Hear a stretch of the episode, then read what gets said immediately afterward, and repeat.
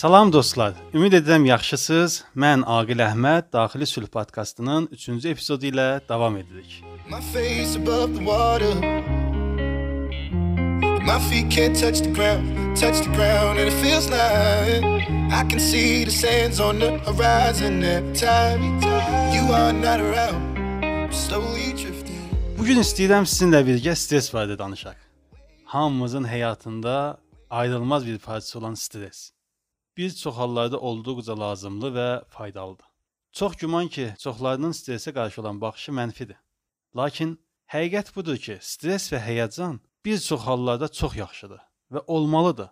Olmalıdır ki, təhlükələrdən uzaq dura bilək. İnsan həyatında qarşılaşdığı hər bir yeniliklərdə həyəcanlı olur. Yenilik deyəndə nəyi nəzərdə tuturam? İlk dəfə qarşılaşdığı mövzular. Məsələn, birinci dəfə məktəbə getmək, yeni tanışlıqlar, yeni iş yeri, evlilik, toy gecəsi, övlad sahibi olmaq, hətta yeni kurslara yazılmaq, seminarlara getmək və sair kimi. Bütün bunların hamısında insan stres və həyəcan keçirir. Bu çox gözəldir. Çünki proqreslik, hərəkət etmək, fəaliyyət və inkişaf etmək üçün mütləq və mütləq həyəcan və stresimizin olması lazımdır. Tövsiyə edirəm bunun üçün Richard Bransonun Listening My Virginity və Finding My Virginity kitablarını mütaliə edəsiniz. Harvard Universitetinin apardığı araşdırmaya əsasən bütün sahələrdə uğur qazanmış rəhbərlər ən çox stressi olan və ən əsası stres və həyəcanlarını kontrol edə bilən insanlardır. Deməli biz ümumi olaraq bu mövzuya mənfi baxa bilmərik. Məsələn, bir iş görəndə onun yaxşı nəticələrini həvəslə, həyəcanla gözləmək müsbət bir stres hesab oluna bilər. Buna mənfi gözlə baxmayaq və bu halı mənfi hal kimi qiymətləndirməyək. Lakin diqqət etməliyik ki, stresimizin kontrol olunmaması bizi nigaranlıq, distres və diskomfort kimi mənfi hallara apara bilər. Podkastın davamında bu barədə söhbət edəcəyik.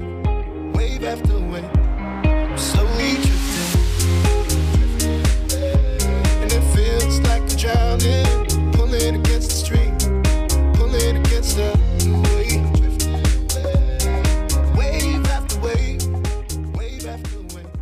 İçində yaşadığımız dünyada adətən özümüzü böyük-böyük problemlər üçün hazır etməyə çalışırıq. Yəni daim bütün fikirlərini, bütün enerjini daha çətin, daha ağır vəziyyətlərə fokuslayırsan.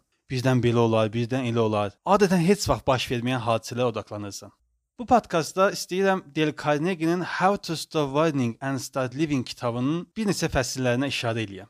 Bu kitab Azərbaycan dilində narahat olmağı dayandırmaq və yaşamağa necə başlamaq olar kimi tərcümə olunub olduqca faydalı kitablardan biridir. Arzu edilən mütaliə kitablarınızın arasına bunu da əlavə edəcəksiniz. Dale Carnegie bu kitabın ikinci fəslində belə bir başlıqla başlayır.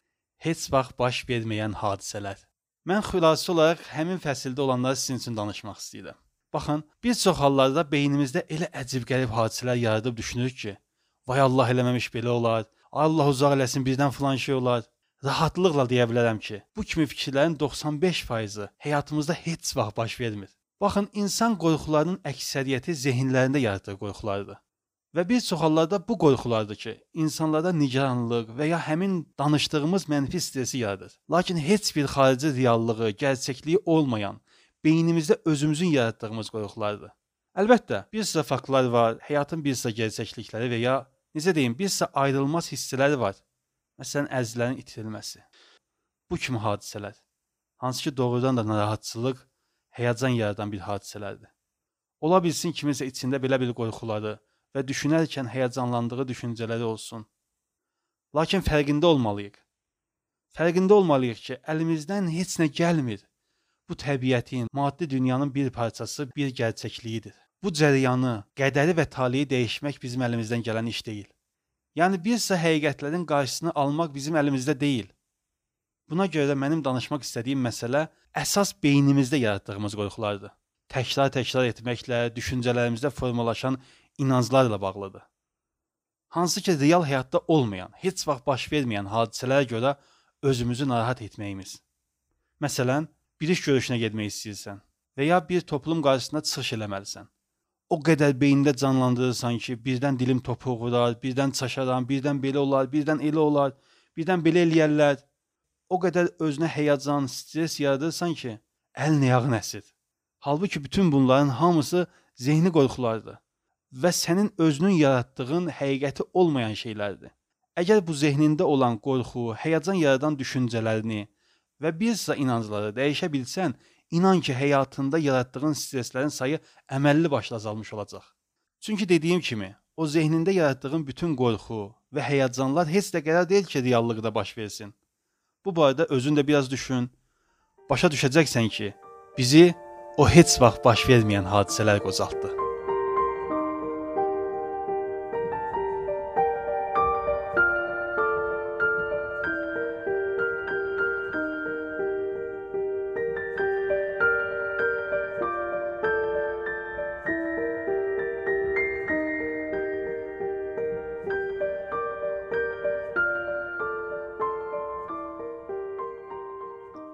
Del Carnegie'nin Narahat olmağı dayandırmaq və yaşamağa necə başlamaq olar kitabında başqa belə bir bölüm var.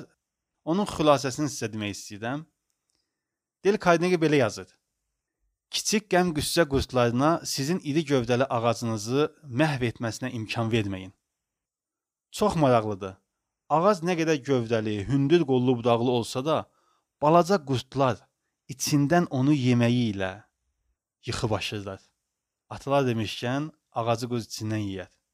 Bunu bir misal olaraq götürsək, ağacı insana, stress və qorxuları həmin kiçik qurtlara bənzətsək, görərik doğrudan da sağlam bir şəraiti, normal imkanı olan bir adam həmin o balaca-balaca nigarançılıq, qəm-qüssə yaratdığı qorxu və stressləri də yıxan. Təsəvvür elə bu gün yaşadığın həyatda, qarşılaşdığın hadisələrdə, müxtəlif şəraitlərdə kiçik-kiçik mənfi təsirləri özündə toplasan nə baş verər? Atlar demiş damla-damla göl olar misalı.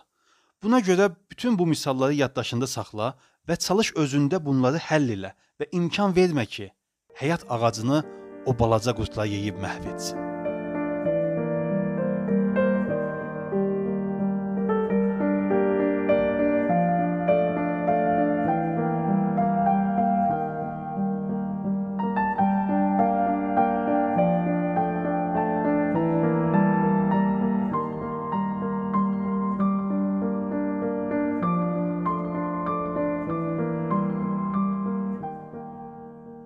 İnşaat və memarlıq, tikinti, təmir işlərindən başa çıxan dostlar yaxşı bilirlər.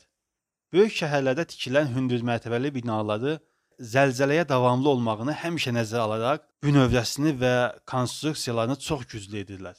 Belə eləyirlər ki, insan tələfatı olmasın.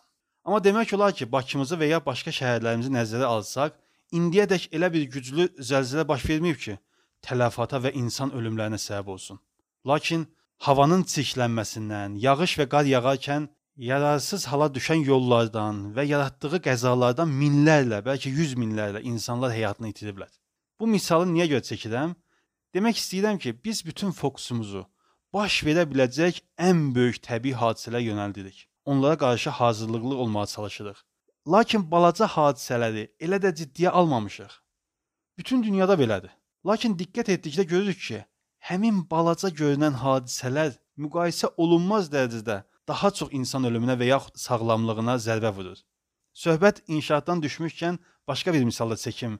Bilirsiniz, elə lap qədimdən polad dəmir metallar arasında ən möhkəm və ən dözümlü metal hesab olunur. Bu gün ağır sənayeni poladsız təsəvvür etmək mümkün deyil. İstər tikintidə, istər nəqliyyat və maşın qayrmada ən həssas daşıyıcı nöqtələr məhz poladdan istifadə edilir. Amma bilirsən, Amma bilirsən bu qədər sərt dözümlü olan poladı məhv edən nə olur? Bəli. Paslanma. O kiçik görünən balaca-balaca pasatmalar nə qədər güclü, nə qədər qalın olmağına baxmayaraq poladı məhv edib yararsız sala bilir. Biraz əvvəldə dediyim kimi, o qəm-qüssə, qorxu və stress eyni poladın pas atması kimidir.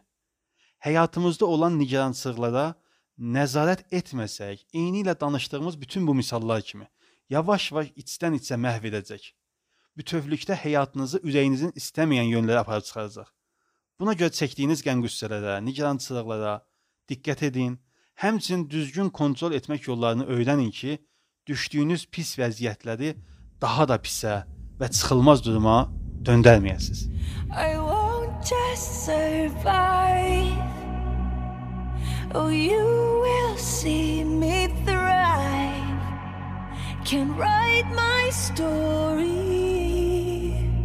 I'm beyond the archetype. I won't just conform, no matter how you shake my Stres və nigaranlığı kontrol edə bilməyin, onları düzgün idarə etməyin yollarından biri düşdüyünüz şəraitə kənardan baxmağı bacarmağınızdır.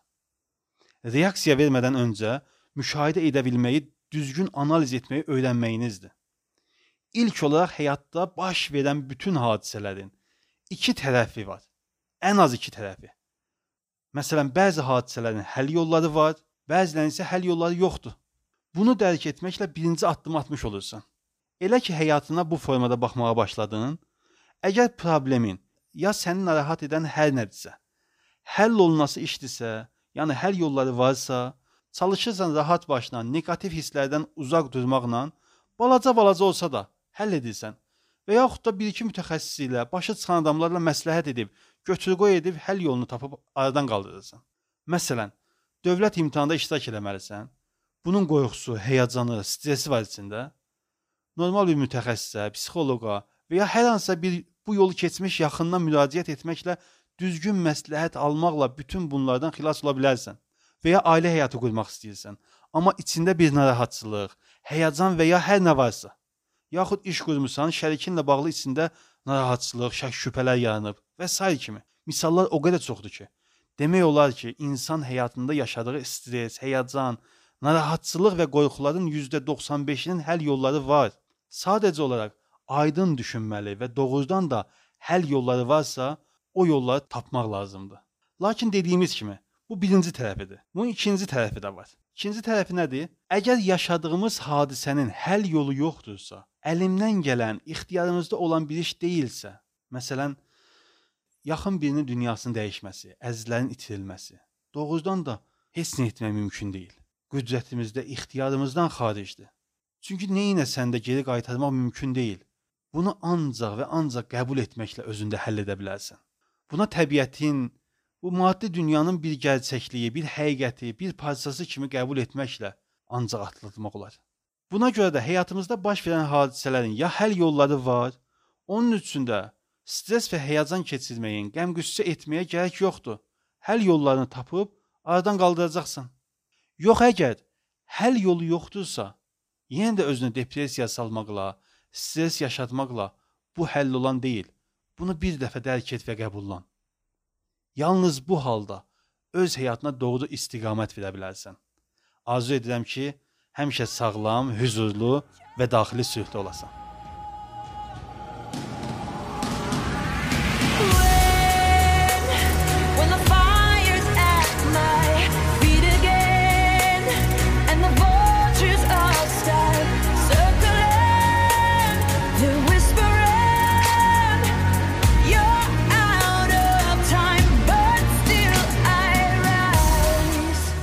Aqilahmad.com səhifəsini dinləyən və xoş mesajlar yazan dostların hər birinə təşəkkürümü bildirmək istəyirəm. Ümid edirəm ki, növbəti podkastlarda da daxili sülhə çatmaq üçün yeni-yeni mövzular hazırlayacağam. Arzu edirəm hər birinizin həyatı hər keçən gün daha yaxşı və daha huzurlu olsun. Təşəkkür edirəm. I must stay conscious through the